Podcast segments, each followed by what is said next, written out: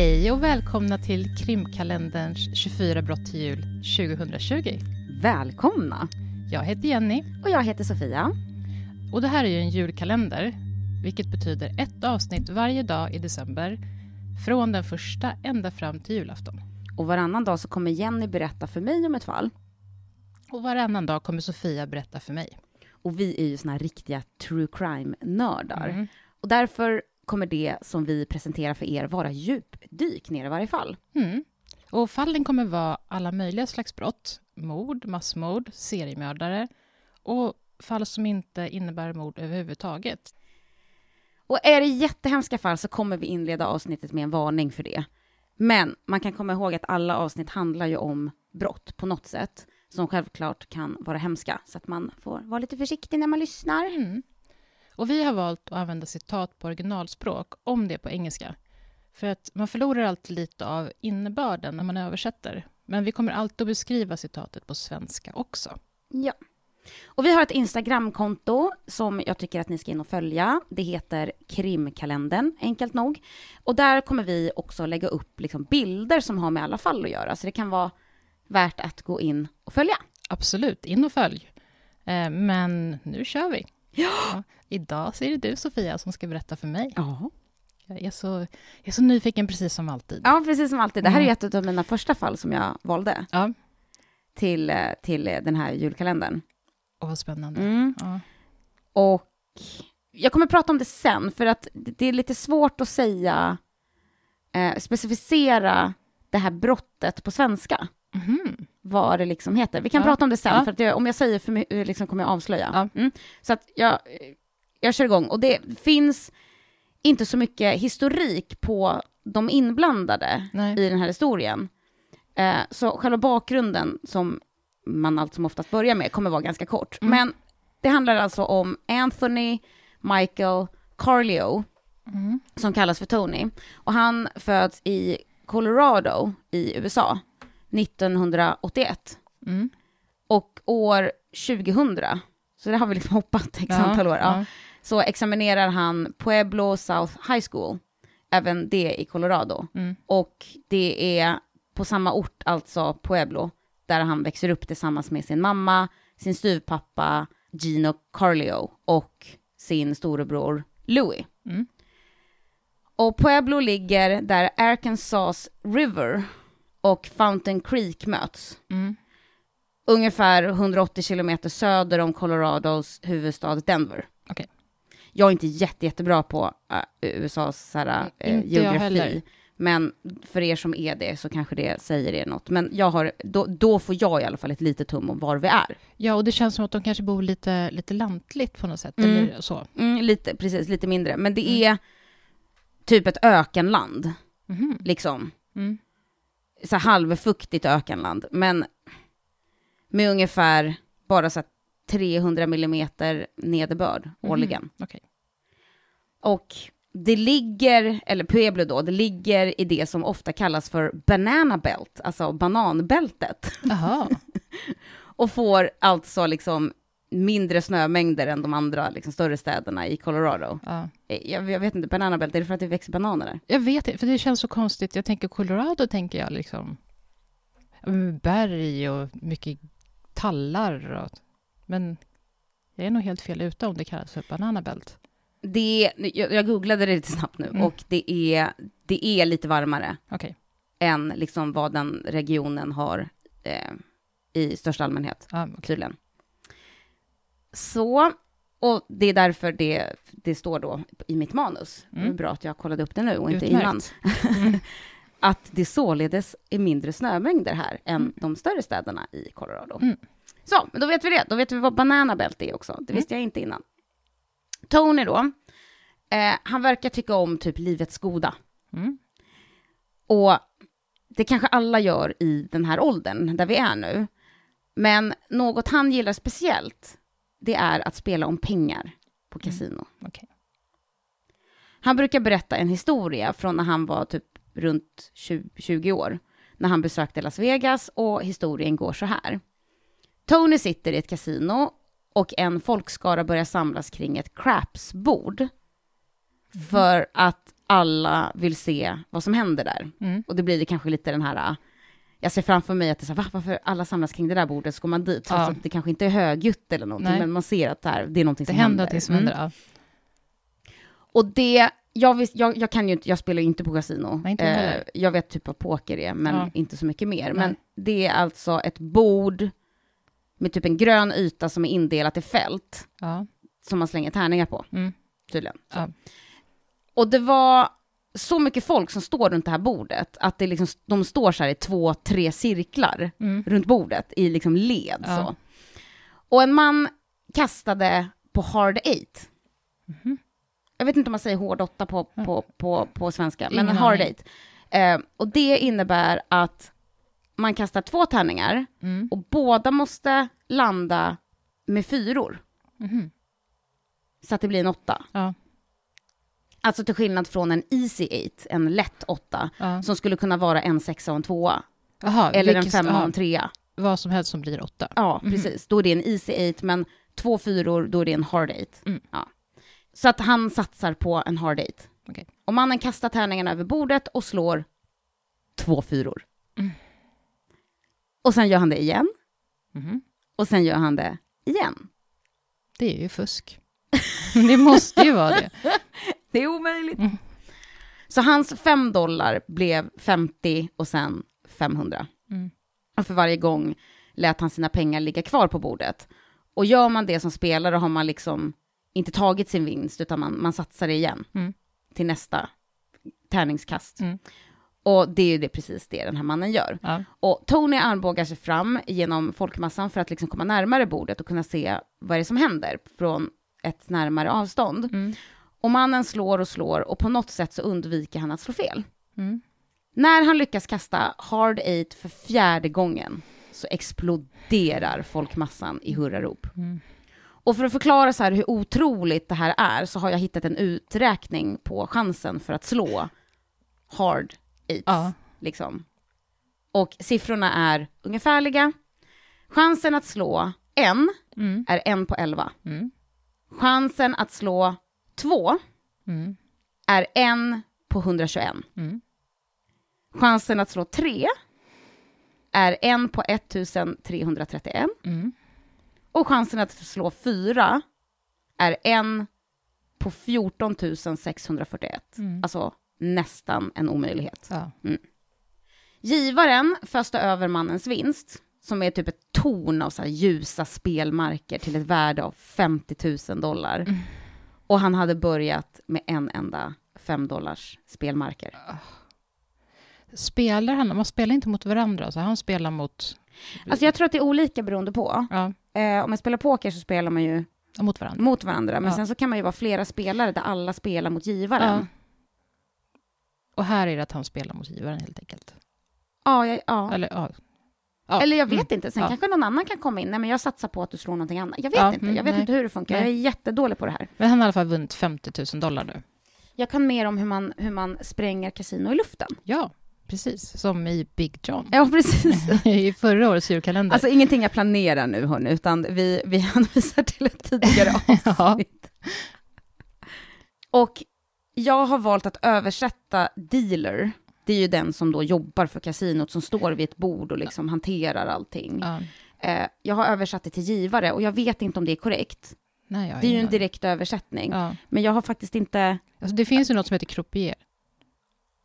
Kan Aha, det vara det? Kanske. Jag, jag vet inte. Hur stavas det? Ja, titta. En croupier, även kallad casino dealer, Mm. är anställd av ett kasino för... Ja, det är kanske det jag ska säga då. Eller, det kallas ju också för casino dealer, så att givare är ju... Ja, det var det jag kände, att, för det är ju det jag har... Jag har inte hittat det här ordet, Nej. croupier, Nej. men när jag har sökt på typ svenska kasinon, då står det dealer. Ja. Men om jag säger givare, för det är det jag har skrivit i mitt Ja. manus, då, då, då, är det det, då är det det jag menar. Ja. Nåja, den här äh, historien då med den här mannen som slår fyra hard eights är en historia som Tony brukar dra. Och historien är liksom ett bevis för något Tony alltid känt inom sig. Att så länge du är våghalsig nog att öppna upp dig själv vitt och brett för ödet Mm. så kan vad som helst komma din väg. Hmm. Om han kunde göra det, så kan jag göra det. Mm. Det kan hända mig, sa Tony. Ja.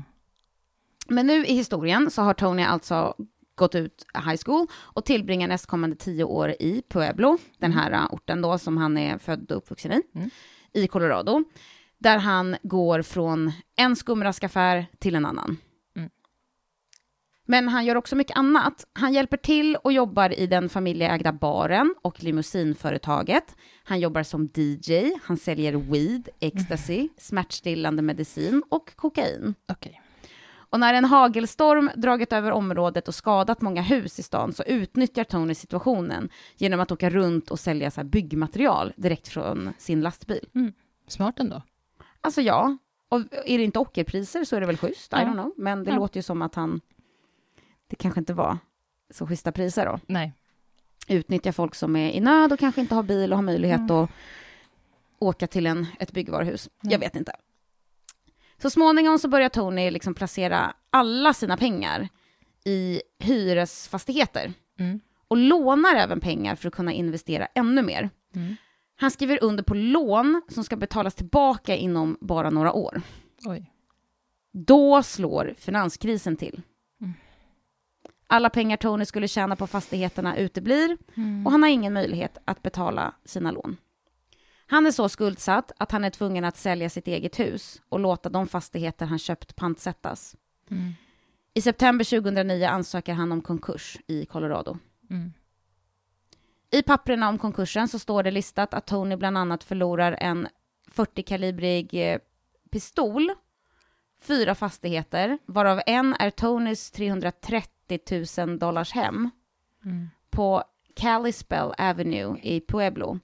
Ett kvarter som på Google Maps i alla fall ser väldigt så lyxigt ut. Ja. Och jag antar att det också är det, för Ja. att det står nämnt i källan. att Priset det är just på också. den. Ja, precis. Eh, och det, det priset, 330 000 dollar, jag har Mm. översatt det då till ja, svenska kronor i 2020. Mm. Och det är så här 3,6 miljoner. Vilket säkert är jättemycket där. Alltså det, det är ju svårt att säga, Ja. för 3,6 miljoner, det, det kommer man göra jättelångt med i vissa stadsdelar och Ja. inte jättelångt i andra. Nej, så är det ju. Så jag vet ju inte, men Nej. ja, jag översatte det i alla fall. Mm. Ja, och jag tror att det är en lyxvilla, för det huset är också jättestort, Mm. står det. Och han som köper huset säger att det är liksom helt tomt på möbler och även så vitvaror. Mhm. Och det är lite olika i olika länder visserligen, att i vissa ställen så tar man ju alltid med sig vitvarorna när man flyttar. Jo. Jättejobbigt när det är så här induktionsgrejer. Ja, eller hur? Nej, vad heter det? Integrerat. Integrerat, ja. Ah, ja. Tony är nu 29 år gammal och behöver en nystart. Mm. Några månader senare, i maj 2009, skrapar han ihop alla sina pengar han bara kan genom att sälja i stort sett allt han har kvar Mm. efter konkursen. Och han får ihop 30 000 dollar, vilket är drygt 250 000 svenska kronor i dagens penningvärde. Mm. Han sätter sig bakom ratten i en bil och kör den 12 timmar långa färden till Las Vegas. Mm, Såklart. Och det låter ju inte som att det är båda speciellt gott, men faktum är att här ska han läsa kurser vid University of Nevada, alltså universitetet i Nevada. Och dessutom så bor hans pappa i Las Vegas. Ja, jag förstår. Jag trodde han skulle ner och satsa alla pengar. Ja, nej. Nej. Han planerar att, han, han, alltså han vill söka in på läkarlinjen, Mm. men han behöver plugga, jag vet inte om han saknar kurser eller ska plugga upp kurser, jag vet inte. Men, Nej. så han, han har en plan, han ska liksom plugga, han ska bli läkare. Mm. Han uppdaterar sin Facebook-status med I am a junior at UNLV and cannot wait to get to med school to start a profession that I can be proud of. Mm. Alltså, jag är en stolt student vid UNLV, alltså un universitet, bla bla bla, Mm. förkortning, och ser fram emot att komma in på läkarlinjen och påbörja en karriär som jag kan vara stolt över. Mm. Slut citat. Mm. Och i Las Vegas så flyttar han in i sin pappas gästrum. Ja. Och Tonys pappa heter George Assad och jobbar som domare för staden Las Vegas. Okej. Vill du se en bild av Tony? Väldigt gärna. Han ser ut så här. Mm. Ja, en, eh, ganska stilig man. Lång. Han ser lång ut. Ja. Ja, ja en vanlig, vanlig man. Trevlig. Han ser trevlig ut. Ja. Han ser trevlig ut. Ja. Tony har bestämt sig för att vara disciplinerad. Han har en plan, han ska bli läkare. På en anslagstavla i sitt rum så sätter han upp ett foto av sin kusin Audrey som gått bort i en drogöverdos. Mm. Över fotot så skriver Tony “Succeed for me”, alltså lyckas för mig. Mm. Som att så här, ja, han, ja, lite så. Mm. Vad ska jag säga? Jo, men han... Han ska göra det för hennes skull, typ. Ja. Och nog har Tony förebilder i sitt liv att se upp till. Förebilder som har lyckats. Mm. Han säger så här. My father, my stepfather, my uncle, they all had money. Nice suits, nice cars, nice houses. But they all worked hard to get it. Me, I didn't have time for that. I was too impatient. På svenska. Min pappa, min styvpappa, min morbror. Alla hade pengar. De hade fina kostymer, fina hus. Men alla hade jobbat hårt för att komma över sina pengar. Och ja, jag hade inte tid för det. Jag var för ivrig. Mm. Slutcitat. Tony pluggar på och det går bra några terminer. Han håller fokus och lyckas bortse från Las Vegas många distraktioner och även genomleva ett ihållande beroende av Oxycontin. Oj då, det är inte bra. Nej, och när jag... Ja, än, än så länge går det ju bra för honom då, liksom, alltså, Mm. trots sitt beroende. Men Ja. eh, när jag researchade till mitt manus och ville liksom hitta en beskrivning av vad Oxycontin är, så surfade jag in på FASS hemsida. Mm. Och det som står överst som beskrivning är beroendeframkallande med stora bokstäver. Ja. Och så fortsätter då på FASS. Iakttag största försiktighet vid förskrivning av detta läkemedel. Mm. Ja. I USA har de, det är en, det är en typ av morfin. Mm. Eh, I USA har de ju nu ett jättestort problem med beroende för att det har skrivits ut så himla mycket. Ja. Är Någon som har haft, inte vet jag, ont i ryggen och så blir de helt beroende liksom. Det finns en jätteintressant dokumentärserie, jag tror det är på Netflix, Ja. om det. Mhm. Som jag verkligen kan rekommendera. Jag, kan, jag, jag vet inte vad den heter, men jag Nej. kan informera dig om den sen, Ja, om du är gärna. intresserad. Ja, det är absolut. För det handlar lite om eh, den här korruptionen också bland läkare, Ja, som du vet säljer, ja, säljer recept. utskrivna recept. Ja. Ja. i alla fall. Tillbaka till Tony här då. Det är alltså ett starkt, eller tillbaka till Oxycontin. Mm. Eh, det är alltså ett starkt smärtstillande läkemedel. Ofta för stark och långvarig smärta, bland annat cancerpatienter. Mm. Men det är alltså också något som folk utan smärtbesvär tar som en drog. Och det är det som Tony då är beroende av. Mm. Jag vet inte riktigt vad det har för effekter som man vill ha. Ja, det måste ju vara något rus eller någon lugn eller... Ja, lugn kanske. Ja, Alltså jag tänker smärtstillande är ju lugn. Ja, Jag har ingen aning. nej, inte jag heller. Nåja, eh, Tony har också en flickvän. Men han har även en liksom rad av kontakter med andra kvinnor som är attraherade av hans mörka italienska drag, Mm. breda bringa och givmildhet när det kommer till droger. Ja, det, det, är, det är väldigt attraktivt, det måste jag säga. Ja, Den breda bringan eller givmildheten av droger. ja det där med droger, super. Jag blir intresserad direkt. Ja, jag, jag vet eh, var du kan hitta den här killen. Ja, sen. hade, jag- hade jag Ja. varit singel så... Ja, precis, hade jag kört på en gång. Ja. Trots det här, att han har så många kvinnor, Mm. varav en är en flickvän då, så känner sig Tony ofta ensam i Las Vegas. Mm. Något han försöker mildra genom att tillbringa mer och mer tid i kasino. Mm. Och i slutet av november 2010 så börjar Tonys korthus ramla ihop. Igen. Mm. Han säger, Every day I would wake up and have to find something to do. I wasn't working, school was out, and had all this free time. Alltså, varje dag jag vaknade så var jag tvungen att liksom komma på något att göra. Jag jobbade inte, skolan var slut och jag hade så mycket fritid. För jag gissar att det här är typ mellan två terminer då, Ja. sommarlov Mm. eller någonting sånt. Så vad gör Tony? Jo, han börjar spela om pengar. Mm. Och där är också någonting intressant, för att det som, i källan så stod det gambla, Ja. eller gamble. Mm. Men hur säger man det? ja, det är inte riktigt spelat, tycker Nej. jag. Det är mer... Jag vet inte. Gambla vill Ja, man ju säga, vill gambla, jag ja. säga, men jag vill också använda svenska ord. Liksom. Ja. Ja, ja. Han Mm. börjar spela om pengar. Ja. Och saker och ting hade kunnat gå annorlunda om han vann. Ja, Men som de allra flesta andra så gör han inte det. nej.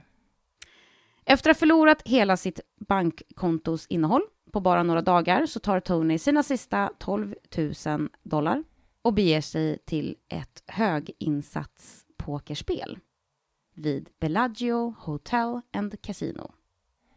Och 12 000 dollar är ungefär 130 000 svenska kronor i dagens penningvärde. Och Tony säger så här. These guys were just waiting for drunk tourists or assholes like me to put their money on the table. Alltså, det här var killar som bara väntade på att fulla turister eller idioter som jag skulle lägga pengar på bordet. Och så är det ju, kasinon går ju med vinst. Vilket Ja. betyder att det är fler som förlorar än som vinner. Men jag tänker också att, ja, det måste du göra. Ja. Hur ska de annars liksom gå runt? Men jag tänker också att eh, han spelar ju poker, så det finns ju andra Mm. spelare. Ja, Inom loppet av några timmar så har Tony förlorat hälften, alltså 6 000 dollar. Och vid midnatt så byter han till att spela blackjack istället. mm. Här satsar han sina sista pengar. Han förklarar det som att det är hans sista strid. Mm. Det tar inte ens en timme innan givaren samlar in Tonys sista dollar. Tony stapplar ut ur kasinot till sin bil, arg och skamsen. Han säger, i felt like a plane going down, just spiraling. alltså, jag kände mig som ett störtande flygplan. När Tony vaknar upp nästa morgon så vill han desperat ställa saker och ting till rätta igen. Han ringer runt till olika vänner som tar droger, precis som han, och frågar om det är någon som vill köpa hans Oxycontin. En av dem köper piller till ett värde av 800 dollar, vilket är nästan 9000 svenska kronor i dagens penningvärde. Mm. Och Tony kör direkt från försäljningen till Bellagio kasinot och satsar pengarna i ett pokerspel på en gång. Men du, hur, hur- var får han alla eh, tabletter ifrån? Jag vet inte. Nej. Högkostnadsskydd? Nej, jag skojar. Ja.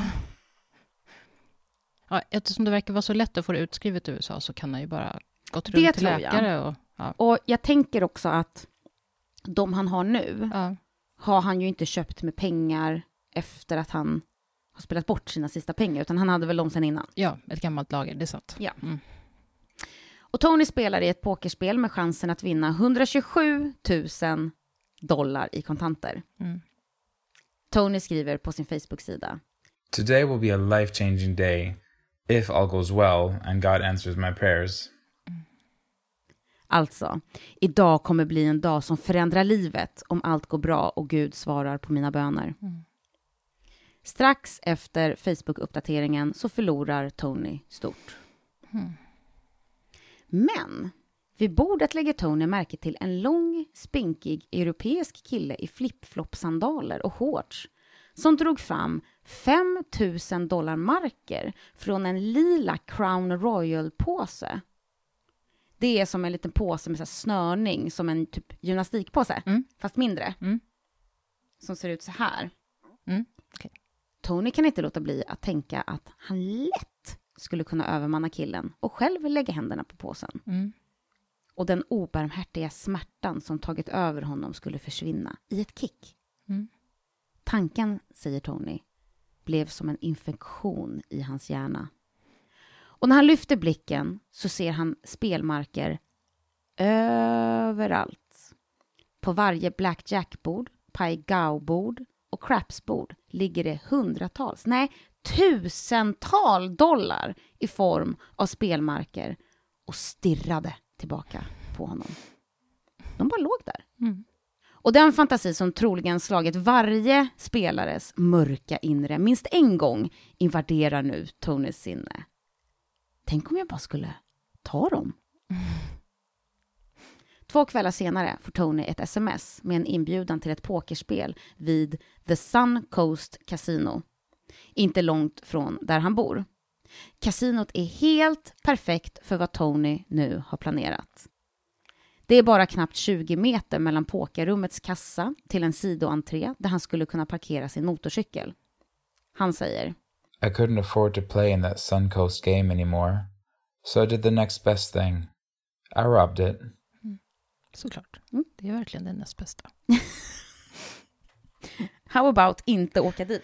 Precis. På svenska så är, säger han alltså, jag hade inte råd att spela i Suncoast-spelet längre, så jag gjorde det näst bästa jag kunde göra. Jag rånade det. Mm. Slutcitat. Tony tar sig in och ut långt före säkerhetspersonalen eller polis hinner dit. Och än viktigare än de 19 000 dollar han kommer över, vilket är 200 000 svenska kronor, Mm. är vetskapen av hur lätt det var att råna ett kasino. Mm. Han säger, It was a mountain to get over to make myself walk through that door, but once I did it, I knew anything was possible. alltså att gå in genom dörren var som att bestiga ett berg. Men när jag väl gjorde det så visste jag att vad som helst är möjligt. Mm. Slutcitat. 16 månader efter att Tony flyttat till Las Vegas i december 2010 och bara fem dagar efter rånet på The Suncoast Casino anländer Tony till Bellagio hotell och casino klockan 10 i fyra på natten mot tisdagen den 14 december. Mm. Han parkerar sin Suzuki-motorcykel nära parkeringsservicens bås, backar in motorcykeln i en parkeringslucka så att framhjulet liksom pekar bort från kasinot. Mm. Tony lämnar motorn igång. Han bär ett mörkt ställ, handskar och motorcykelhjälm med visiret nedfällt. Sin vänstra hand har han i fickan, fingrarna greppar en pistol. Han berättar. I didn't intend to use it for anything other than deterrence, but you have to have bullets in it. Otherwise, a gun is just a paperweight. Okej. Jag planerade inte att använda den till något annat än att skrämmas, men man måste ju ha kulor i den, annars väger den ingenting. Nej. Det Kanske inte Okej. jag, jag vet. Nej, jag har ingen aning heller. I ett bås precis utanför kasinot sitter en enda säkerhetsvakt. En liten och gammal dam. Mm. Tidigare på kvällen hade Tony ökat adrenalinet lite med ett flertal linor kokain och Oxycontin och ändå kan han inte hålla sig ifrån att vinka till vakten. Hon vinkar tillbaka. Mm. Väl inne i kasinot så håller sig Tony längst eh, med en vägg. Han passerar raden av blinkande och pipande spelautomater. Men så här sent så är de flesta obemannade. Mm. Rånet på The Suncoast Casino hade boostat Tonys självförtroende. Och det i kombination med adrenalinet som rusar genom kroppen känns det som att hans reaktionsförmåga är förbättrad och hans tankar är klara och precisa. I felt like a predator stalking my prey. Alltså, jag kände mig som ett rovdjur som lurpassade på mitt byte. Mm. Det låter som en ganska nice känsla, det är ju hemskt att säga, Ja. men lite den här wow. Ja, Det var lite som vi pratade om när, när vi tränar. ja, ja, precis. Att Jag det är kan den klara här allt. fantastiska, ja, lite Mm. så. Både jag och Jenny tränar, men på väldigt olika sätt. Ja. Och Tonys byte är craps-bordet för höga insatser, vilket är det enda som är öppet så här dags. Mm. Han rör sig snabbt de 20 meterna till bordet och drar fram sin pistol. Och han hör sig själv ropa till alla närvarande. Move, move! Alltså, rör på er! Mm. Spelarna och givaren drar sig tillbaka. En av dem dyker åt sidan, som att han var en stuntman i en actionfilm. Det ligger miljontals dollar i form av lila och gula och rödvitblåa spelmarker staplade framför givaren. Och ikväll kan Tony komma över så många han vill utan att behöva spela om dem. Han skopar näve efter näve av spelmarker ner i en ryggsäck han har på sig på, som liksom omvänt så att den liksom Ja, hänger på, magen. Ja.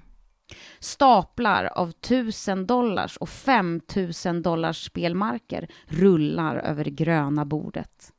Efter 15 sekunder, som kändes som att det lika gärna kunde ha varit 15 dagar, är det något i Tony som går av som ett alarm. Han säger I had big plans for that night. I was going to rob the poker room. I was going to smash and grab at the Cartier shop. But then fight or flight kicked in, and I flew. Alltså, jag hade stora planer för den kvällen. Jag tänkte råna pokerrummet också och krossa och råna Cartier-affären också. Mm. Men flykt eller kampresponsen kickade in, så jag flydde. Mm. Slutcitat. En jättedum fråga. Kör. Han snor ju markerna, Mm. men inte pengar. Mm. Hur ska han få pengar då? Vi kommer till det. Ja. Mm. Men innan dess Mm. så tänkte jag berätta att Cartier tydligen, jag visste inte, är ett dyrt så här, smyckesmärke. Mm. Och de har alltså en butik i kasinot, så han hade tänkt att råna det också. Ja. Men han går alltså fram till det här crap-spelbordet och eh, drar liksom ner massa spelmarker Mm. på ryggsäcken som ligger, sitter på magen Mm. och sen flyr han. Mm. Det är 183 meter genom kasinot och tillbaka ut till Tonys motorcykel. Mm. En gammal knäskada och de extra lager kläder som han bär då under motorstället gör att hans rörelser känns som att han springer motströms. Mm. Hjälmen som var så bra att dölja hans ansikte avskärmar nu hans synfält. Och han kan inte se om någon kanske försöker spela hjälte och hoppa fram mellan spelautomaterna för att tackla omkull honom. När Tony når de tunga dubbeldörrarna försöker en hotellanställd blockera hans väg. Mm. Tony viftar med pistolen och mannen retirerar. Mm. Och så gör även andra anställda i säkerhetspersonalen på kasinot på grund av oron att rånaren ska använda sitt vapen. Tony når sin motorcykel, river igång den och rusar iväg längs Flamingo Road i västlig riktning och ut i mörkret i öknen. Rånet från start till slut hade inte tagit mer än bara några minuter. Ingen kommer till skada under rånet och inga pistolskott avfyras. Nej. Tony vet att han har överträffat rånet vid Suncoast kasinot, Mm. men vet än inte hur mycket han har kommit över. Nej. När han får möjlighet att räkna spelmarkerna i ryggsäcken så märker han att han har kommit över nästan en och en halv miljon dollar fördelade på spelmärker värda mellan 100 dollar och 25 000 dollar. Mm. Och det är nästan 16 och en halv miljon svenska Ja, kronor. jösses. Eh, en övervakningskamera har ju filmat det här Ja. och den finns på YouTube. Jaha. Vill du se? Ja, jättegärna. Är det där när han springer ut? Ja. Ja. 183 meter, det är långt. Mm. Ja, där sprang han. Det gick inte så fort. Nej, Med det gjorde det på, Han har inte. ju på sig ett stort, tungt ställ. Jo, liksom. så är det. Jag ska försöka... Jag ska försöka lägga upp det på, på Instagram också så man får se. Ja. Det blir lite mer levande då på något Mm. Man får ju också en liten känsla för hur kasinot ser ut. Ja. Och Ja. Jag tänker lägga upp en bild på liksom kasinot. Det är ju värsta lyxkasinot. Ja. Det är ju hur fint, alltså Las Vegas liksom. Det ser ut att vara mycket ytor också på något sätt. Ja, och liksom lite är- så marmorgolv och det, ja, lite så. Mm. Så, i och med rånet av Bellagio-kasinot så har Tony nu lyckats med något han inte lyckats med trots att han verkligen kämpat i över ett decennium. Han är miljonär! Mhm. Men, nu kommer vi till det du säger Ja. Jenny. Han har ju stulit spelmarker, inte kontanter. Mm. Så det är inte som att han kan liksom gå in i vilken butik som helst och bara betala med pengar. Nej. Så. Dessutom är spelmärkena specifika för just Bellagio-kasinot. Åh nej. Så han kan liksom inte ens använda dem på vilket kasino som helst. Det måste vara på samma ställe som han har stulit dem från. Ja. Jag vill ta tillbaka mitt åh nej. Jag vill säga åh ja! Så att han är miljonär, men Ja. han är bara miljonär på Bellagio-kasinot. Mm. För att kunna spendera pengarna på andra ställen så är han ju tvungen att liksom parkera i kasinots garage, ta hissen upp från garaget, gå över marmorgolvet, iakttagen av vaksamma ögon och tusentals övervakningskameror, sen gå fram till kasinots kassa och be kassören växla spelmarkerna till kontanter och liksom bara hoppas på att de skulle ge honom pengarna istället för att ringa polisen. ja. Och för att undvika att det senare händer och locka till sig liksom onödigt mycket uppmärksamhet genom att försöka växla allt på en gång, så är han tvungen att göra det liksom I igen små. och igen, Ja. fast med liksom mindre summor. Mm. Han kan inte gå dit med liksom en och en halv 16 miljon. Nej. Tony är tillbaka i Bellagio-kasinot redan kvällen efter rånet. Och han berättar följande. I felt like a big swinging dick. I just jacked this place, and now I'm going to cash in on everything I took. Jag vill höra din översättning. Jag kände mig som en riktig skitstövel. Ja. ja. Vad ska jag säga? ja. Jag hade just rånat stället och nu var jag här för att växla in allt jag stulit. Mm. Slutcitat. Och Tony tycker inget verkar vara annorlunda mot vad det liksom brukar vara, längst med den för honom mycket välkända vägen till pokerrummet. Mm. Det finns inga affischer uppsatta med hans ansikte och ordet efterlyst. Ingen av givarna eller säkerhetsvakterna behandlar honom det minsta annorlunda mot någon av de andra tusentals spelarna som fyller kasinot. Tony som varit ett nervvrak då han liksom stegade in i kasinot känner hur axlarna faller ner och han kan slappna av. Mm. De har ingen aning om vem han är. Nej. Tony hittar ett pokerspel med höga insatser och betalar för en plats i spelet med 100 dollar sedlar han har kvar efter rånet på Suncoast kasinot. Mm. Den enda uppmärksamhet han känner av från omgivningen är de andra spelarna som är intresserade av att vinna hans pengar. Mm. Allt eftersom kvällen fortskrider så smugglar Tony in några 5000 spelmarker Mm. i högen, liksom, med pengar framför honom på bordet. Mm. Och kasinot bryr sig inte om att hålla koll på vem som vinner eller förlorar i pokerspelen och i slutet av kvällen så har Tony liksom inga problem med att växla in sina spelmarker mot kontanter. Nej. Då det var en rätt stor summa pengar frågar kassören bara efter Tonys legitimation. Mm. Men det är ju liksom helt enligt rutinerna. Ja, Tony är mycket nöjd. såklart. Han fortsätter med sin pengatvätt kvällen efter och sen kvällen efter det. Sen kunde han inte ligga lågt längre.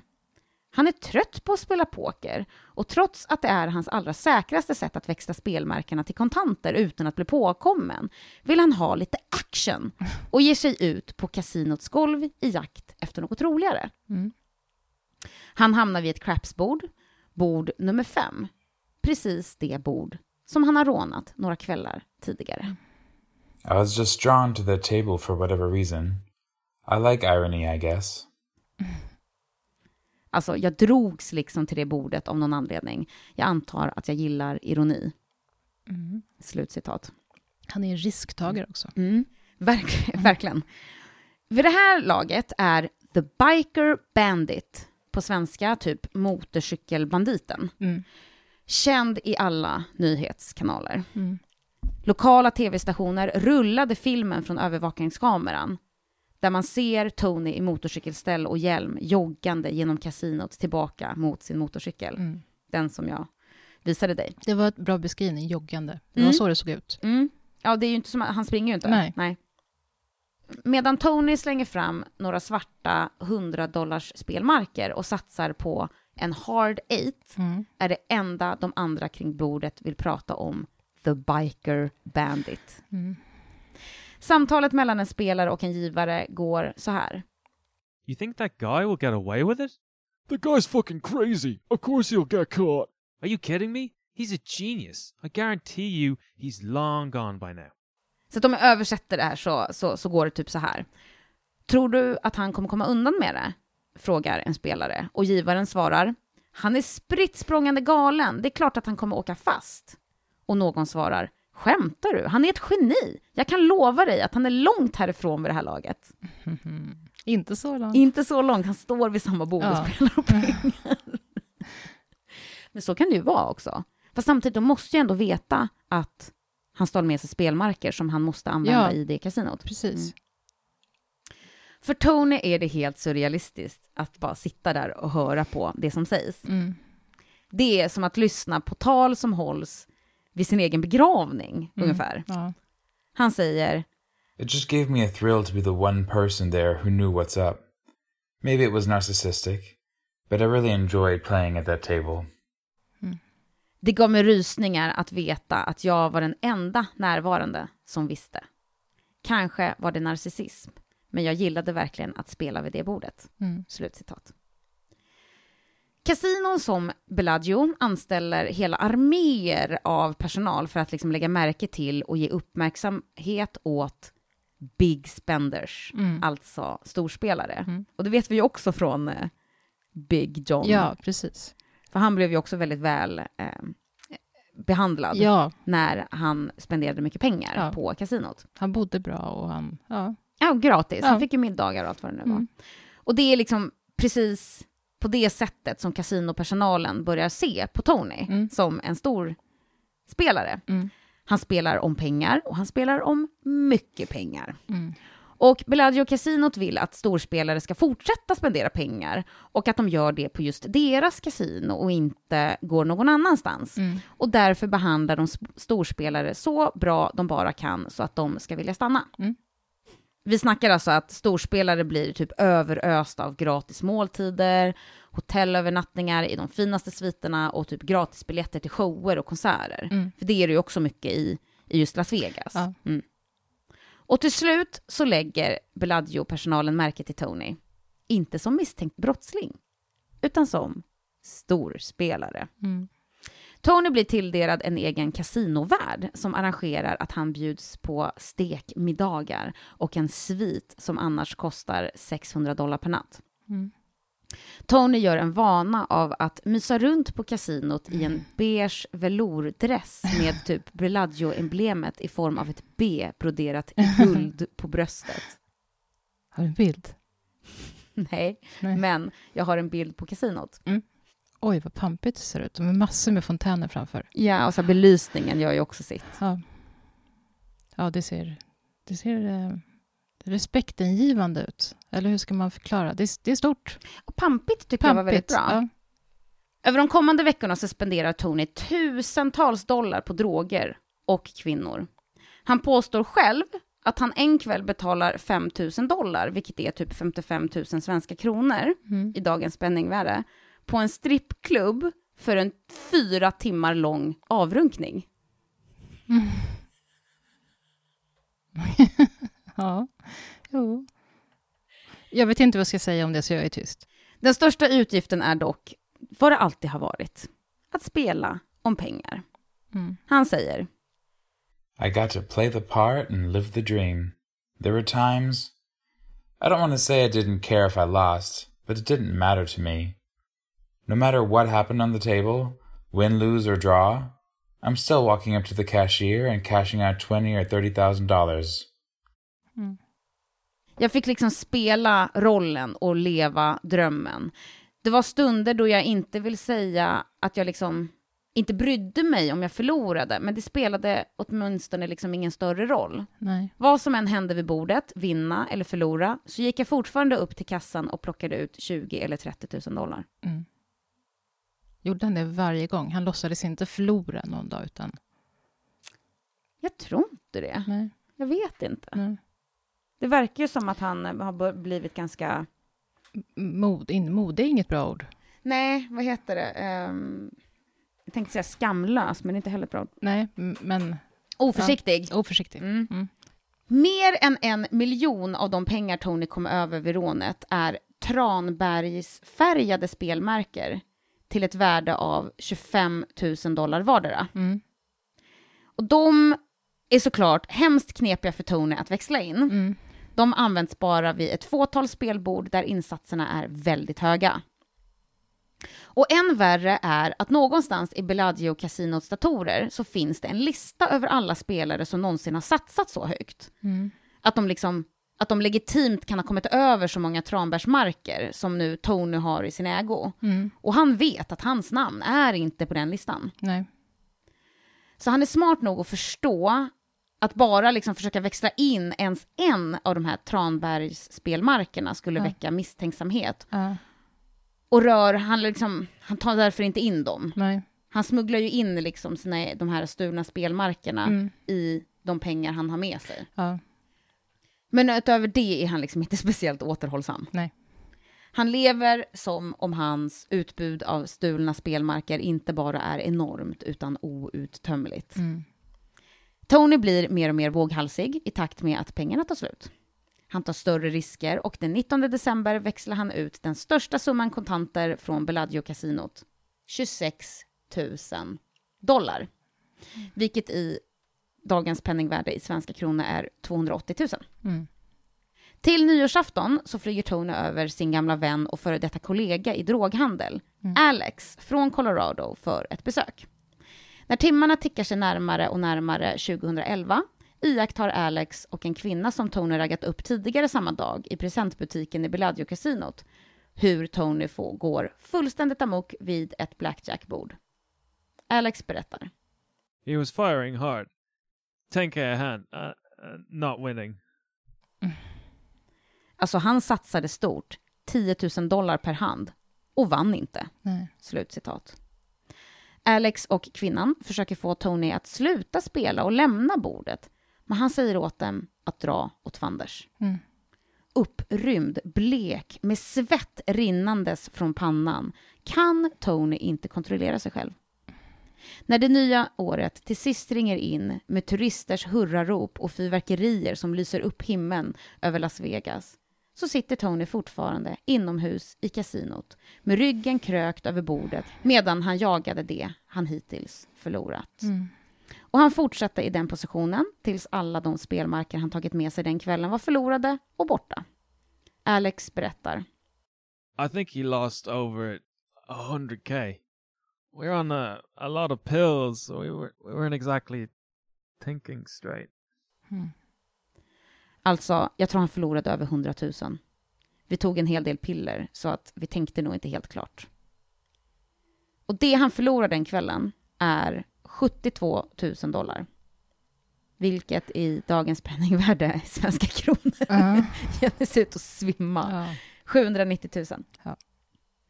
Vid det här laget så uppskattar Tony eh, att han snortar eller röker minst 80 milligram Oxycontin-piller per dag och mixar in en lina kokain när han börjar nicka till vid spelbordet. Mm.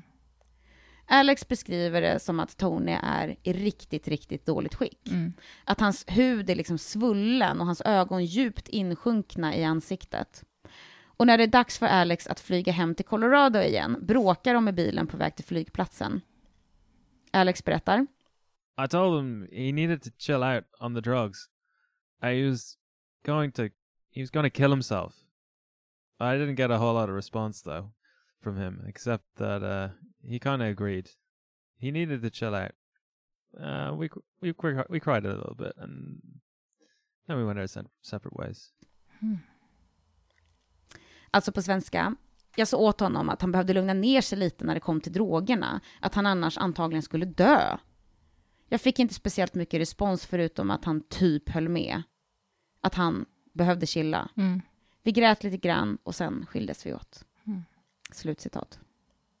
Och jag föreställer mig att det här fotot som jag har Ja. är från när Alex är på besök, att det typ är Alex som har fotat. Ja. Men jag väljer ändå att visa det nu.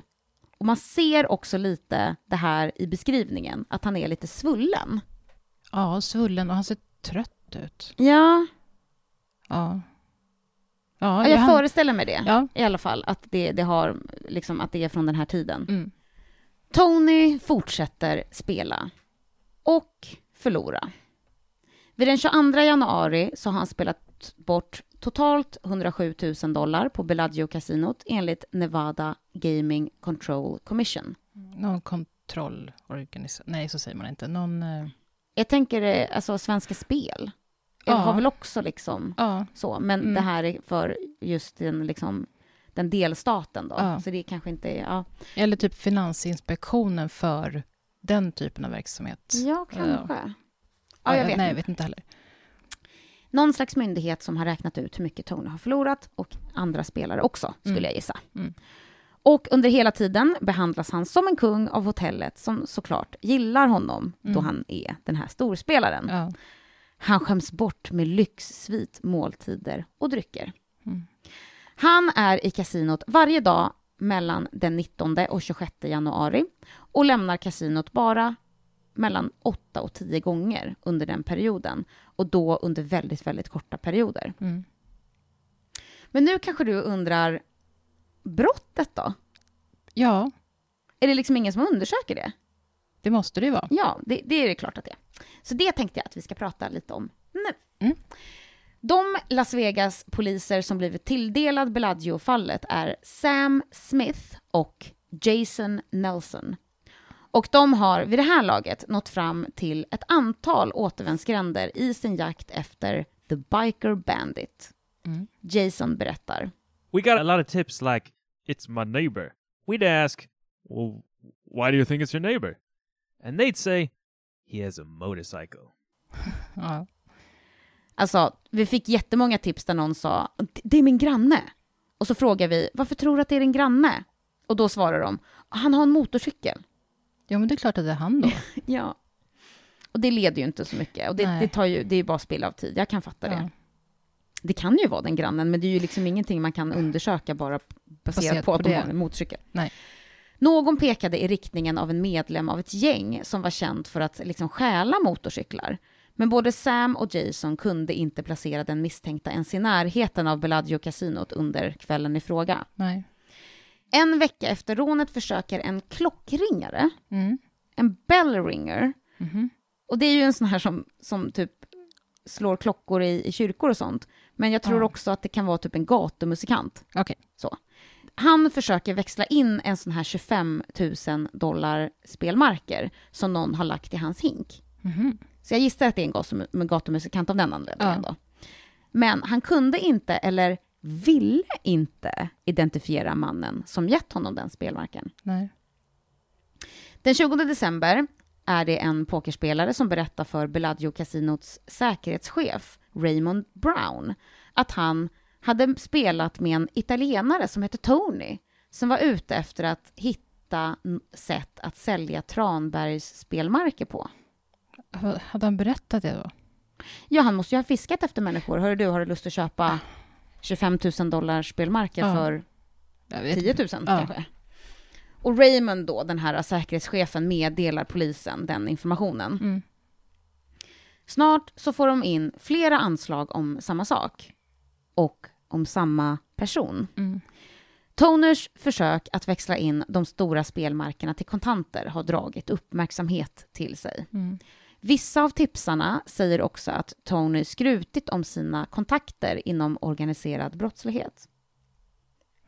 Ja, har han Oklart. det? Oklart om det är sant, jag Ja, vet mm. inte. Men de säger det till polisen i alla fall. Mm.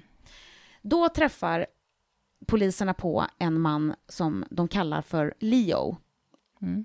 Leo är en pokergivare på Bellagio-casinot och säger att han vet vem rånaren är. Sam berättar att Leo är en kille från Jersey, är väldigt intensiv med vad han kallar för en ivrig personlighet och han påminner om karaktären Joe Pesci från Dödligt vapen-filmerna. Ja. Lite jobbig med andra ord. Intensiv är ju ordet ja, också. Verkligen. Leo berättar att dagarna innan rånet hade han pratat med en pokerspelare som haft rätt otur på sistone och som anförtrodde att han hade en dröm om att stjäla spelmarker från ett kasino. Mm. Leo berättar att den här mannen ska ha sagt Man, I'd like to just run over to that table and grab a bunch of those cranberries. All you need is a black mask and a motorcycle, and I have a motorcycle. Mhm. Så det han menar då att den här mannen ska ha berättat för honom är jag skulle vilja bara springa över till det där bordet och bara roffa åt mig av alla de där tranbären. Mm. Allt man behöver är en svart mask och en motorcykel. Och jag har en motorcykel. Mm. Slutcitat. Givaren Leo hade svarat mannen att ett rån i verkligheten inte är lika lätt som i filmen Oceans Eleven. Nej. En vecka senare så ser Leo spelaren igen. Bara det att nu verkar han ha kommit över en stor summa pengar. Han sitter nu och spelar ett spel med mycket högre insatser än han någonsin haft råd med tidigare. Leo hade börjat leka detektiv, pratat med de andra givarna och med kassörerna för att bekräfta sina misstankar om att pokerspelaren betalade insatserna med spelmarker och inte kontanter. Mm. Och mannens namn, säger Leo, är Tony Carleo. Mm. Polismännen Sam och Jason läser på lite om denne Tony och får reda på följande. Och det här blir lite av en sammanfattning för er som lyssnar. Liksom. Ja. Men det var ett tag sedan jag berättade. Ja. Tony är uppvuxen med sin mamma och styvpappa i Pueblo, Colorado. Mm. Han har motorcykelkörkort. Colorados Department of Motor Vehicle, vilket är en statlig myndighet där man typ registrerar fordon. Så inte riktigt som Vägverket, men Nej. de i alla fall, den myndigheten bekräftar att Tony har en 2007 Suzuki GSX-R motorcykel. Samma märke och modell som Bellagio-banditen. Mm. Jaha, så du såg dem? Mm. Mm. Tony har inte någon registrerad historia av kriminalitet, men har tillgång till fem olika vapen i Las Vegas. Mhm. Jag gissar att det kanske inte är vapen som är registrerade i hans namn, Nej, men att typ hans pappa kanske, kanske, ja. har vapen, då har han ju tillgång till dem. Så. Ja. De kommer också fram till att Tony är beroende av Oxycontin Mhm. och att när Tony bodde i Pueblo så hade han jobbat som mäklare med sin bror Louis. Dessutom var han ägare av två företag, en DJ-service och en limousinfirma tillsammans med andra familjemedlemmar. Mm. I september 2009 så hade Tony gått i personlig konkurs. Och trots att det bara var ett år tidigare så spenderar Tony nu massa pengar till höger och vänster. Mm. Polisman Jason förklarar allt detta som röd flagga efter röd flagga efter röd flagga. Ja. Och sen gräver Jason upp ännu en beklämmande omständighet. Tonys pappa är George Assad, en domare. Mm. Och han säger And I'm like, damn! If that's the case, I better be right. Mm. alltså, och jag typ shit, om det är så, då måste jag se till att ha ordentligt på fötterna. ja. Och det är ju liksom för att, alltså om man anklagar, En domares son. ja, Ja. så kanske man, ja, det, det kan gå illa för en. ja. Att det, det kommer inte vara skottpengar på en, men ja, man, man men kanske ju- tänker extra när det är en kändis eller en högt uppsatt politiker. En kan väl bli av med jobbet kanske. Mm, precis. Den 13 januari 2010 ordnar poliserna Sam och Jason med spårning av Tonys mobiltelefon och börjar sen logga alla hans inkommande och utgående samtal. En vecka senare tar de fram Tonys spelhistorik, som man tydligen kan göra. Det kanske var den här myndigheten som jag pratade om tidigare, som typ visste hur mycket Tony har förlorat. Mm. Men jag visste inte att man kunde göra det, men vi har ju kanske inte heller samma, vi har ju inte ett Las Vegas i Sverige. Nej.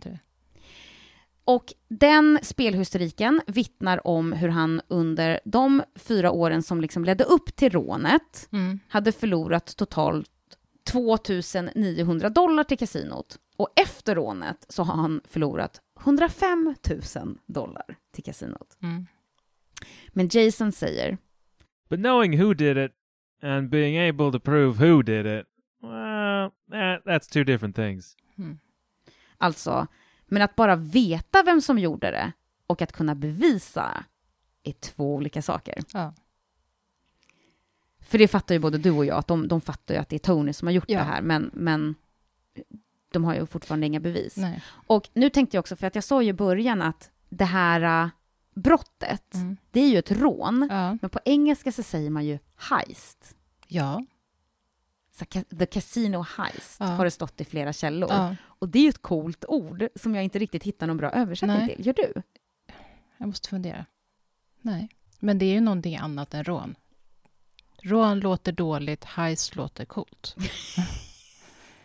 Hemskt att säga. Det menar jag inte. Jag tar tillbaka det det. är också sant. Heist. Heist. Kupp, Kupp. kanske. Det är det bästa jag kan komma på. Ja, sant alltså. Eller stöt. Stöt. Kasinostöten. Ja.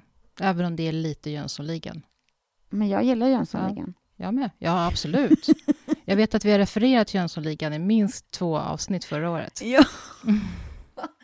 Så uppenbarligen. Ja. Polisen kollar även in Tonys Facebook-aktivitet. Mm. Hans profil vittnar om hur han njuter livet Mm. och spenderar massvis med pengar på The Strip. Och det är alltså vad en cirka sju kilometer lång del av gatan Las Vegas Boulevard South kallas, Mm. som är känd för sina många kasinon och hotell. 19 av världens 27 största hotell, räknat i antal rum, Mm. ligger på The Strip. Oj, 19 av 27 i Ja. världen. Ja. Det var mycket. Mm. 20 om man räknar med Las Vegas Hilton, som ligger 800 meter få, från The Strip. Ja. Så det är... Det, där, där bor det folk. Ja, verkligen. Tony delar att hans favoritcitat är Money isn't everything, but it's right up there next to oxygen. Han är inte, han är inte jättesmart. Jag vet inte, Eller, det jag nej, jag känner vet är att hans heller. prioriteringar är skeva. Liksom. Ja. Om inte annat. Det konstiga är att jag ganska länge så tyckte jag om honom. Ganska långt in i berättelsen. Man tycker ju lite synd om honom. Ja, lite. Men samtidigt så gör han ganska vidriga grejer. Det gör han ju redan innan han kommer till Las Vegas. Ja. Att, uh, alltså det här med liksom både droghandel och, och allt vad det är. Ja. Ja, översatt till svenska i alla fall så är hans favoritcitat Pengar är inte allt, men det ligger på en andra plats efter syre. Mm. Han har även skrivit uppdateringar om han, liksom, hur han flyttar till Las Vegas från Colorado, att han drömmer om att vara en stor pokerspelare och hur han gillar Bellagio-casinots charm. Mm. Han skriver den 28 november. Så nu blir det lite tillbakablick. Ja. För vi är ju efter nyår, men ja, det här är ju polisen. som jag tittar vi följer på hans polisen. Ja. Ja. Så den 28 november så skriver han så här. Never have I seen as many beautiful women in one place on a Sunday evening as I am humbly observing at the Bellagio in fabulous Las Vegas, Nevada. My neck is getting a great stretch, and my zipper's elasticity is being challenged. Viva Las Vegas! Han är ju en, eh, en poet. Ska jag se hur mycket poet jag är då i min översättning Ja. här. Citat. Jag har aldrig sett så många vackra kvinnor på ett och samma ställe på en söndagkväll som jag just nu ödmjukt beskådar på Bellagio-casinot i fabulösa Las Vegas, Nevada. Min nacke får en mycket bra stretch och min gylvs elastik får en utmaning. Viva Vegas! Slutcitat. Ja, Det var väl lite poetiskt av ja mig. verkligen. På Tonys Facebook-profil så lär sig även poliserna att Tony drömmer om att komma in på läkarlinjen. Just det, det har jag glömt bort. Ja, det kanske han också har glömt. Ja, Det verkar nästan som det. ja. Och efter några eftersökningar så upptäcker de att han rent officiellt faktiskt är en universitetsstudent. Mm. Vilket förvånar dem med tanke på hans uppdateringar liksom, som handlar om spelande och liksom aldrig om några studier. nej. Den 25 januari åker en civilklädd polis och nu kommer vi hit igen, att det är ju en undercover-polis Mm, just det. som jag inte riktigt vet hur jag ska översätta på ett bra Nej, sätt. nej. Men ehm, en civilklädd polis och en informatör åker då till Bellagio-casinot för att försöka identifiera Tonys medarbetare. Mm, För de tänker nämligen att han liksom antagligen inte har gjort det här själv. nej. De hittar en man som köpt ett av de där tranbärsmarkerna av Tony och han har betalat 10 000 dollar medan spelmarken alltså är värd 25 000 dollar. Ja. Vi hoppar tillbaka till Tony lite då. Mm. Vid det här laget så lämnar Tony knappt Bellagio-casinot, förutom när han behöver åka och hämta fler stulna spelmarker som han har gömt hos olika vänner runt om i stan, Mm. inklusive sin flickvän som man inte heller har hört så mycket om. Nej. Eller så åker han då från kasinot för att sätta in kontanter i ett bankfack i en bank i närheten. Mm. Vid ett tillfälle så har Tony mer än 100 000 tvättade dollar i kontanter. Mm. Nu, bara några veckor efter rånet, så är han nere på 20 000 dollar. Och vad innebär det? Att det är det han har? Mm. Oj då. Men han har spelmarker kvar? Av de 400 000 dollar av liksom lättväxlade spelmarker Mm. som Tony har stulit så har han nu bara en enda 5 000 spelmarker kvar. Då har jag förlorat jättemycket pengar. Ja, ja han- alltså jag tror ju att an, den enda anledningen till Ja. att han går ur kasinot med, med pengar, Mm. det är ju för att han har smugglat in sina stulna spelmarker. Ja, Men på kasinot så förlorar han jättemycket verkar jättemycket. Ja. Och då måste han ju rent logiskt själv fatta att förr eller senare så kommer det här ta slut. Ja. Om man hade investerat pengarna i någonting som faktiskt hade genererat pengar så hade han ju liksom, hade det ju funkat. Ja. Men han, han, växl, han växlar in spelmarkerna mot kontanter Mm. och sen så använder han inte kontanterna till något vettigt, Nej. utan han liksom spenderar dem på kasinot också. Ja. Det är så jag förstår det som. Mm. Så han har nu alltså bara liksom en enda av de här 5 000 dollars spelmarkerna kvar Mm. och medan han tömmer det sista av kontanterna i bankfacket så säger Tony för sig själv, You're a fucking idiot. alltså du är en fucking idiot. Han vet om det, men Ja, han måste vara totalt spelberoende. Det måste väl vara det? det måste vara det. Ja, alltså den här beskrivningen som hans kompis Alex Ja. gav, Mm. jag försökte, jag la ner ganska mycket tid på att översätta det den engelska, för det var så målande Mm. och ger också en bild av det var inte bara så här, han satt där och, och, och spelade, utan det var verkligen, du vet hur han sitter liksom Ja. ryggen kutad över, liksom, alltså det, det Ja. låter ju obehagligt. Lite kallsvettig och... Ja. Och liksom kunde inte slita sig och som för liksom förtrollad och med liksom skygglappar så. Ja. Ja, men Tony i alla fall, han har fortfarande över en miljon dollar kvar i de här 25 000 dollars spelmarkerna. ja, så de är en sån stor del av det han fick med sig. Ja. Det är alltså de så kallade cranberries, Mm. Tranbergsmarkerna. Vad knepigt. Mm. Och 25 000 dollar är ungefär 275 000 kronor Mm. i dagens penningvärde. Och det är liksom en av de här spelmarkerna är alltså Ja. värd 275 000 svenska kronor. Jag tänker när man använder en sån, satsar en sån, Ja. om man nu gör det, Mm. det måste ju väcka ganska mycket uppmärksamhet. Precis. Precis. Det måste det ju. Och de Ja. har ju också liksom, liksom listor över alla som har de här markerna för Ja. att de är så stora. Liksom. Mm. Han börjar i alla fall fantisera om att göra någon slags deal med den eh, välkände pokerspelaren Phil Ivory, som Bellagio-kasinot absolut inte skulle höja på ögonbrynen över, har de här Tranbergsspelmarkerna i Nej. sin ägo. Och Tony är inte den enda som försöker lösa problemet med de värdefulla markerna. På pokerforumet 2plus2.com Mm. alltså 2 plus 2.com, det spelar inte så stor roll, men eh, där har i alla fall någon startat en tråd om Bellagio-rånet och hur den liksom okände rånaren möjligen skulle kunna växla in de här eh, stulna spelmarkerna. Ja. Och Tony följer diskussionen med stort intresse och går till och med så långt att han skapar en egen användare till hemsidan. Han ger sig själv namnet Oceans Prey 25 och listar sin hemvist som Grenada. Och ja, havsbön, Oceans Prey. Mm. Och Grenada, det, det finns ju liksom inte. Fast kan inte det vara som cranberry, alltså det börjar på samma sätt som cranberry? Just det, shit, det har jag inte ens tänkt på. Ja, självklart. Ja, mm. Grenada, Ja. cranberries. Ja. Ja. att han, ja, verkligen. Du är inte dum du, Jenny. Nej, verkligen inte. Ibland så Ibland. glimtar det Ibland så, ibland så glimtar det till. Hemskt, Tack förlåt. för den. Jag skojar bara. Mm. En dag så skriver hobbyspelaren Matthew Brooks från Virginia en hypotetisk fråga Mm. på det här forumet. How many potentially worthless cranberries would you accept for a legit 5k chip? Alltså, hur många potentiellt värdelösa tranbär skulle man godta för en brukbar 5000 dollars spelmarker? Jag förstår inte vad det innebär riktigt. Vad menar man då? Alltså det han menar är ju, han, han, han ställer ju inte någon fråga till någon rånare, utan det här är ju ett, ett forum liksom, så att det är ju mer en allmän fråga. Hur många av de här Tranbergs spelmarkerna Mm.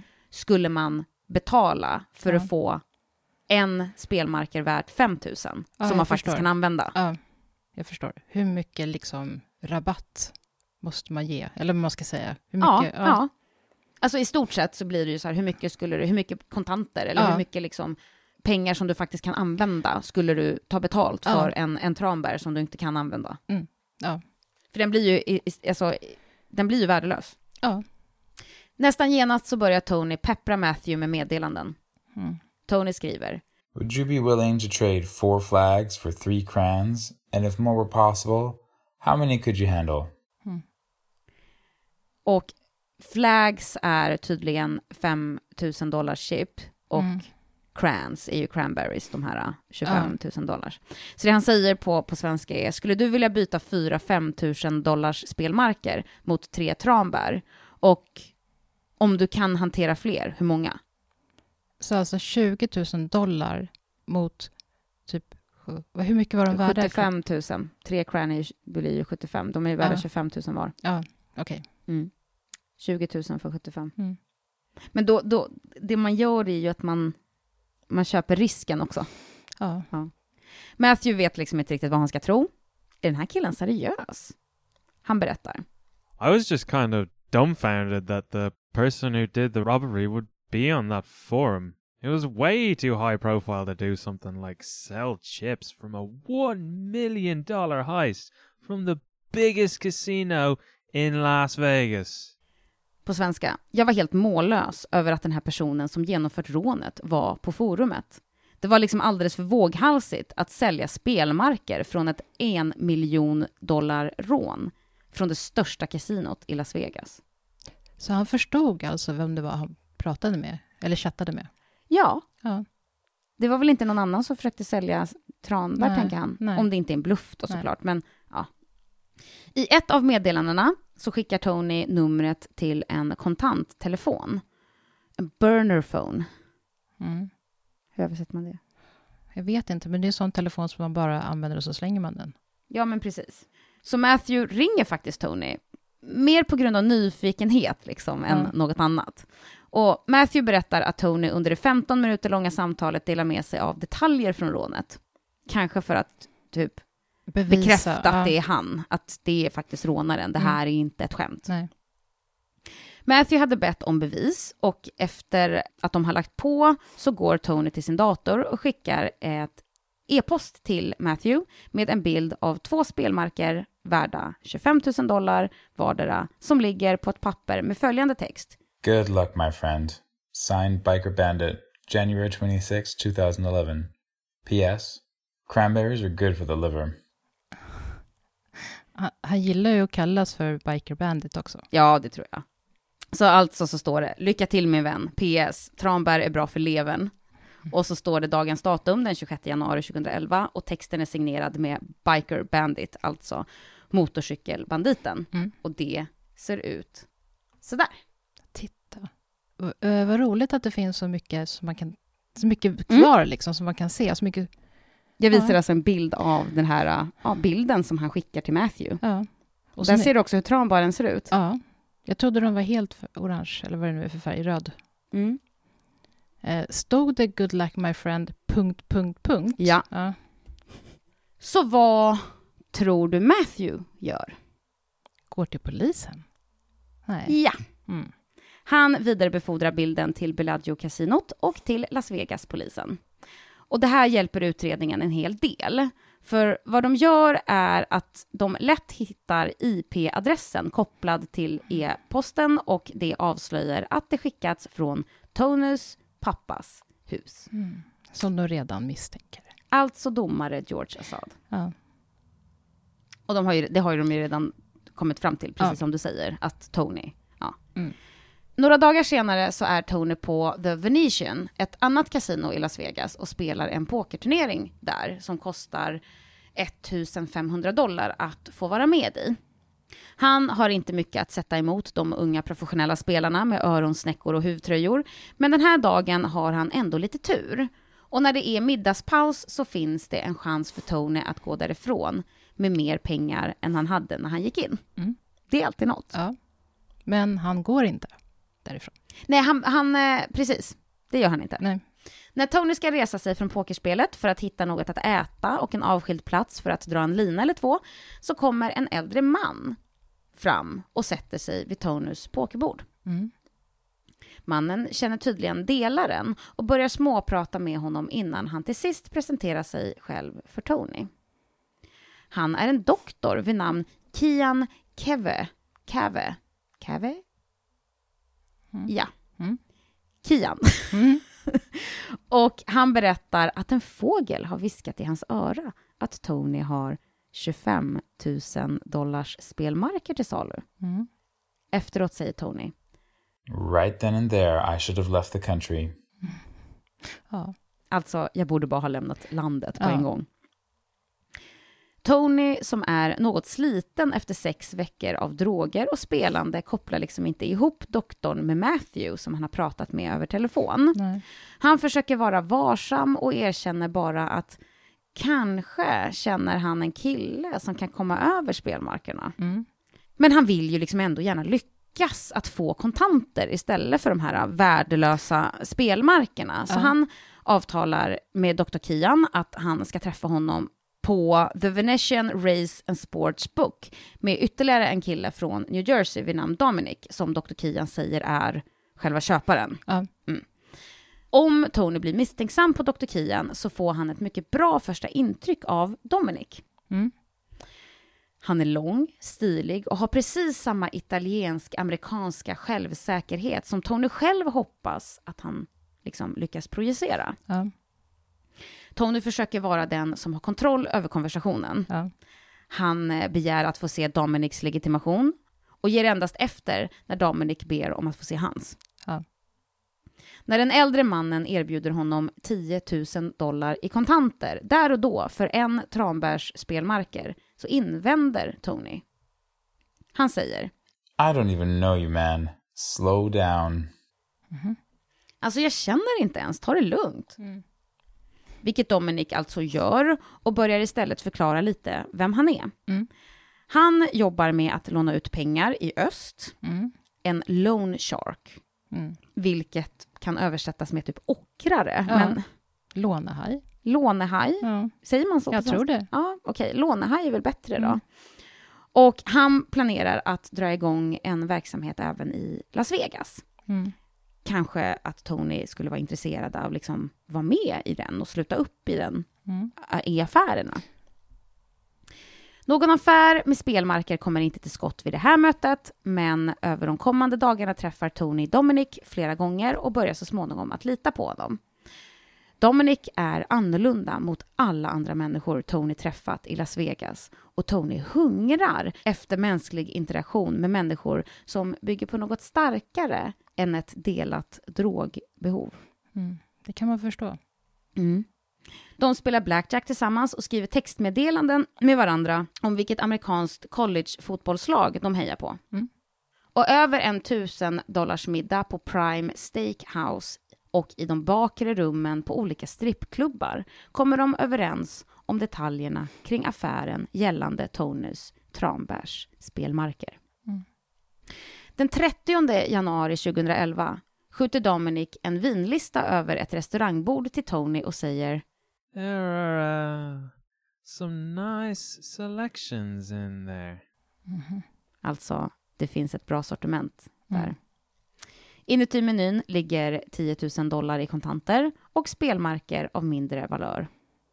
Tony stoppar pengarna i fickan och överlämnar på samma sätt en 25 000 dollars spelmarker till Dominic. I restauranger och kasinobadrum runt om i stan kom Tony att sälja tranbärsspelmarker till ett totalt värde av 100 000 dollar Mm. över de kommande två dagarna. Så det är alltså fyra tranbärsspelmarker. Då. Ja. Mm. Dominic börjar också prata om att de borde sätta ihop ett rånargäng tillsammans. Ett gäng som till och med skulle kunna råna Bellagio-kasinot. Tonys svar är, det här stället har jag redan rånat. Mm. På onsdagskvällen den 2 februari möts Tony och Dominic en sista gång i Bellagio-kasinots badrum och inte långt från pokerrummet.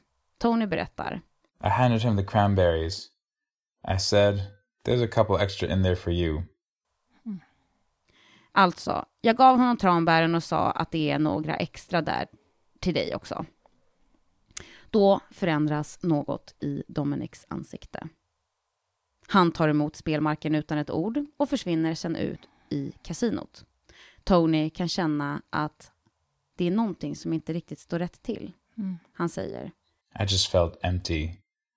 I knew shit was about to get bad. alltså jag kände mig tom, jag visste att skit skulle börja hända. Ja.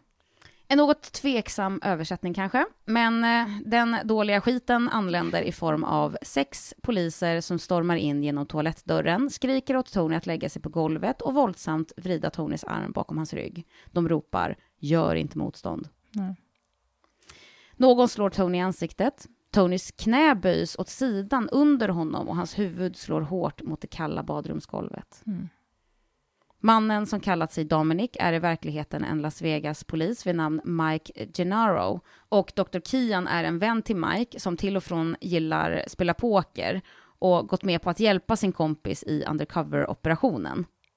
Mm, så han är inte en polis? Nej, Nej. jättekonstigt. Men det kanske är för att de behövde ha någon som kunde prata om poker. Och de hittade Ja. ingen sån polis kanske? Nej, eventuellt. Mm. Han får liksom inte betalt för det här, men jag förstår honom. Jag hade typ också ställt upp. Alltså. Ja, det hade jag med. Mike har tidigare erfarenhet av undercover efter att han tagit del i en FBI-undersökning av en kriminell familj i New York. Mm. Pengarna och spelmarkerna Mike använt för att spela med och köpa Tonys Tranbärs spelmarker för, totalt eh, 50 000 dollar, Mm. hade han fått låna från självaste Bellagio-kasinot. Så de är ju också inblandade. Ja. Mm. Hur som helst, nu, sju veckor efter att Tony joggat ut ur Bellagio-kasinot i motorcykelställ och hjälm med en och en halv miljon dollar i spelmarker, Mm. så förs han klockan 21.20 onsdagen den 2 februari 2011 in i en polisstation i centrala Las Vegas. Mm. The Biker Bandit är gripen. Ja. Dessutom bokstavligt talat på platsen för brottet. Mm. Tony erkänner och dagen efter så blir han förflyttad till Clark County Detention Center anklagad för rån utan någon borgen. Mm. Clark County Detention Center, det är väl arrest eller något? Ja. Häkte. Häkte. Och det här fotot tror jag är från när han blir gripen. Ja, hans typ... inte, det är inte det kanske, men han ser deppig ut. Och han, Han ser ser- inte, han ser inte ut att må bra heller, rent... Han är blek och... Fast här är han ju inte så svullen längre. Nej, det är han Det inte. kanske är från fängelset, jag vet inte. Jag placerade i alla fall fotot där för Ja. att det var lite, nu är han ledsen för nu är han gripen. Han ser väldigt deppig ut. Polis söker igenom Tonys hotellrum på Bellagio, hans eh, pappas hem och hemmet till en kvinna som hade sju tranbärsmarker och Tonys flickvän Laila Long, där man hittar ytterligare 16 tranbärsspelmarker i en garderob i sovrummet. Mm. Så han har fortfarande tjejen liksom. Ja, henne har man inte hört någonting om. Nej. Laila då, flickvännen, berättar för polis att spelmarkerna är Tonys och att han utöver dem gett henne 5 000 dollar i kontanter. Och polisen beslagtar alltihopa. Mm. I pappans hus hittar man ingenting. Nej. Och det är väl ganska smart då att han inte gömmer saker i en Las Vegas-domares Nej. hus. Ett dygn efter gripandet så går polisen ut med att de hittat totalt 1,2 miljoner i spelmarker Mm. och kontanter. Mm. Och att Tony eventuellt även kommer bli åtalad för droghandel också. Ja. Med tanke på att det är så snart efter gripandet så kan polisen inte säga så mycket mer om utredningen, men de säger också att, citat, Anyone thinking they can take down a Las Vegas casino is sadly mistaken. You will be caught. Mm. Alltså, den som tror att de kan råna ett Las Vegas kasino misstar sig. Du kommer bli tillfångatagen. Ja. Tonys pappa, som vid det här laget jobbar för att bli omvald som domare i staden, dyker inte upp på jobbet på torsdagen. Dagen efter Tony har blivit gripen. Han går ut med ett uttalande, inte lång tid efter sin sons gripande, som lyder så här. I am devastated and heartbroken to see my son arrested under these circumstances, as is the rest of his family. But I can say that as a prosecutor and as a judge, I have always felt that people who break the law need to be held accountable. Mm. Alltså, jag är förtvivlad och hjärtekrossad över att se min son gripen under dessa omständigheter, precis som resten av familjen. Som åklagare och domare kan jag säga att jag alltid har tyckt att personer som bryter mot lagen måste hållas till svar. Mm. Det här måste vara en både personlig katastrof förstås, det är ju Mm. hans son, men Mm. också rent Karriärmässigt. karriärsmässigt. Ja, gode tid, ja. Han säger också att han inte kan liksom diskutera ärendet närmare på grund av juridisk etik. Mm. Uttalandet till trots så blir domare George Assad nedröstad som domare bara en vecka efter att Tony erkänner sig skyldig till både rånet på Suncoast Casinot och Bellagio Casinot. Mm. Så han blir ju inte omvald. Nej. Så det här påverkar nog honom. Så här ser då Tony ut under rättegången. Har han på sig solglasögon, eller vad är det? Ja, han har nog bara glasögon. Ja. Ja. Och han blir alltså dömd till nio år i fängelset Nevadas Lovelock Correctional Center. Mhm. vilket är samma fängelse där O.J. Simpson satt, vilket Ja. gav fängelset ganska mycket uppmärksamhet. Ja.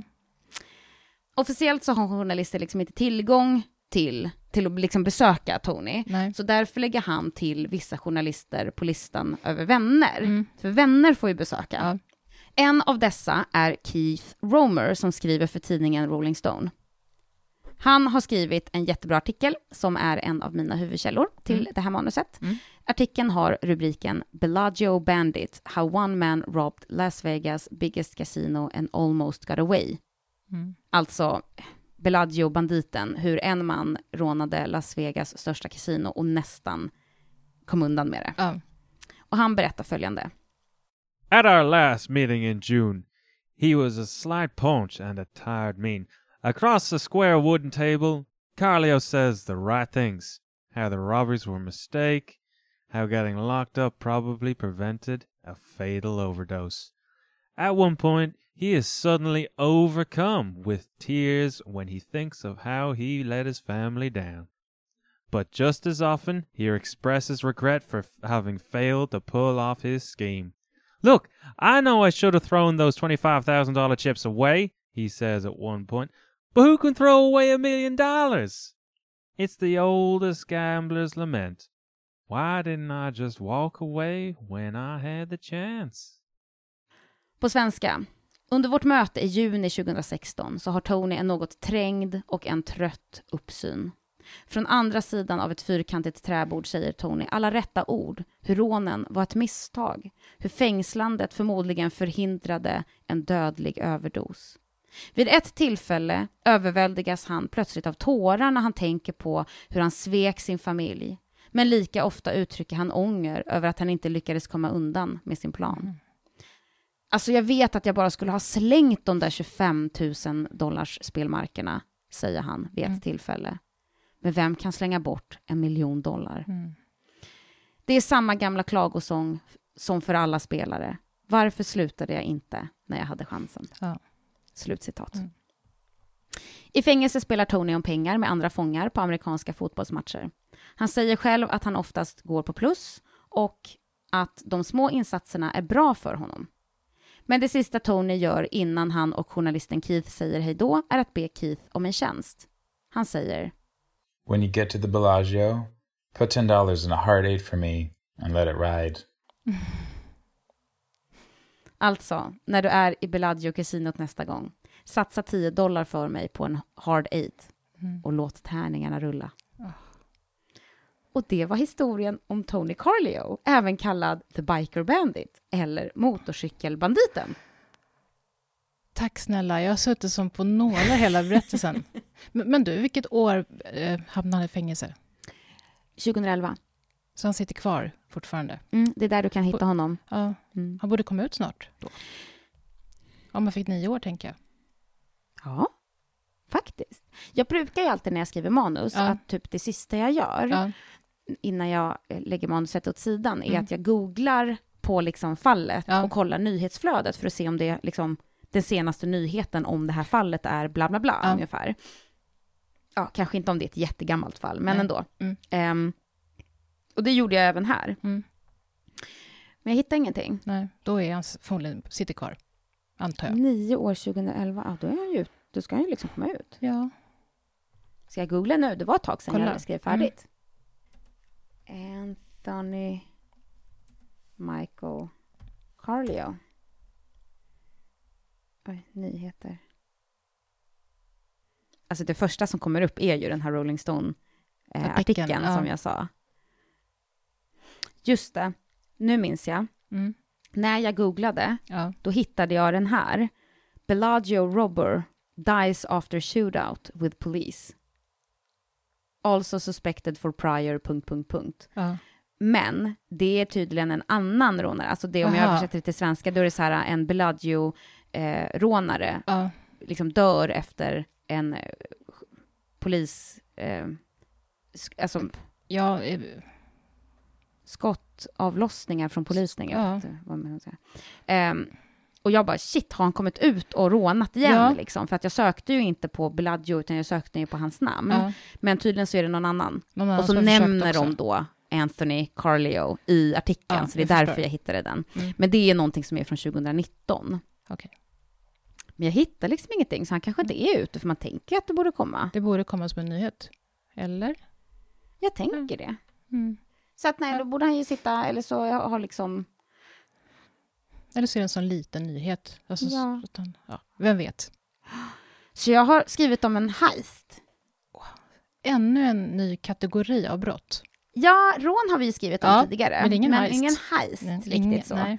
Men jag vet inte om det är en heist. Jag tänker ju heist är lite mer Oceans Eleven med liksom lite fler personer. Ja, eh, jag tänker att det är typ hela hans inställning, för han är ju lite, lite poetisk, lite Mm. så här larger than life. Det är så, sant. livets goda. Det är sant. Så att han är ju Oceans Eleven, förutom att han bara är en person.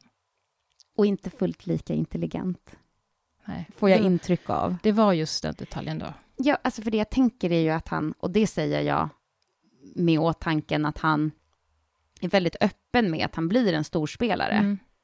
Om han hade legat lågt liksom, så hade han ju kunnat komma undan. Han hade ju inte Ja. dragit till sig den uppmärksamheten som han gjorde. Liksom. Jag tror att det är också spelberoendet som, som drar ner Det honom. tror jag liksom, också. Att han inte kan styra över det. Men vissa som är spelberoende är ju väldigt duktiga på att dölja det. Ja, Det är ju sant. inte han. Nej. Han skriver ju om det på Facebook. Ja, för att han vill ju skryta lite. Ja. Det är ju det. Nåja, nåja. Ja. Det var det! Ja, tack snälla. Det var, det var super. Det här avsnittet kanske ska heta Oceans Eleven. Ja, klart det ska. Tack för att du lyssnade. Ja, tack alla ni som har lyssnat där ute. Ja. Mm. Och imorgon blir det ett nytt avsnitt. ja, då är det Jenny som ska berätta. Det är det minsann. Ja, ha det bra tills dess. Ha det bra. Hej då.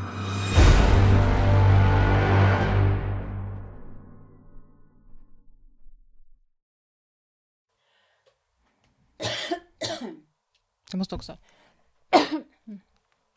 Shit, det känns som att jag har pratat jättelänge. Det har jag nästan också. Hör du? Ja, inte lika länge som då. Hur länge tror du jag har pratat? 35. En timme. Nej, En timme och sex minuter. det betyder att du pratar bra. Alltså jag är, det här är spännande. Ja, vad bra.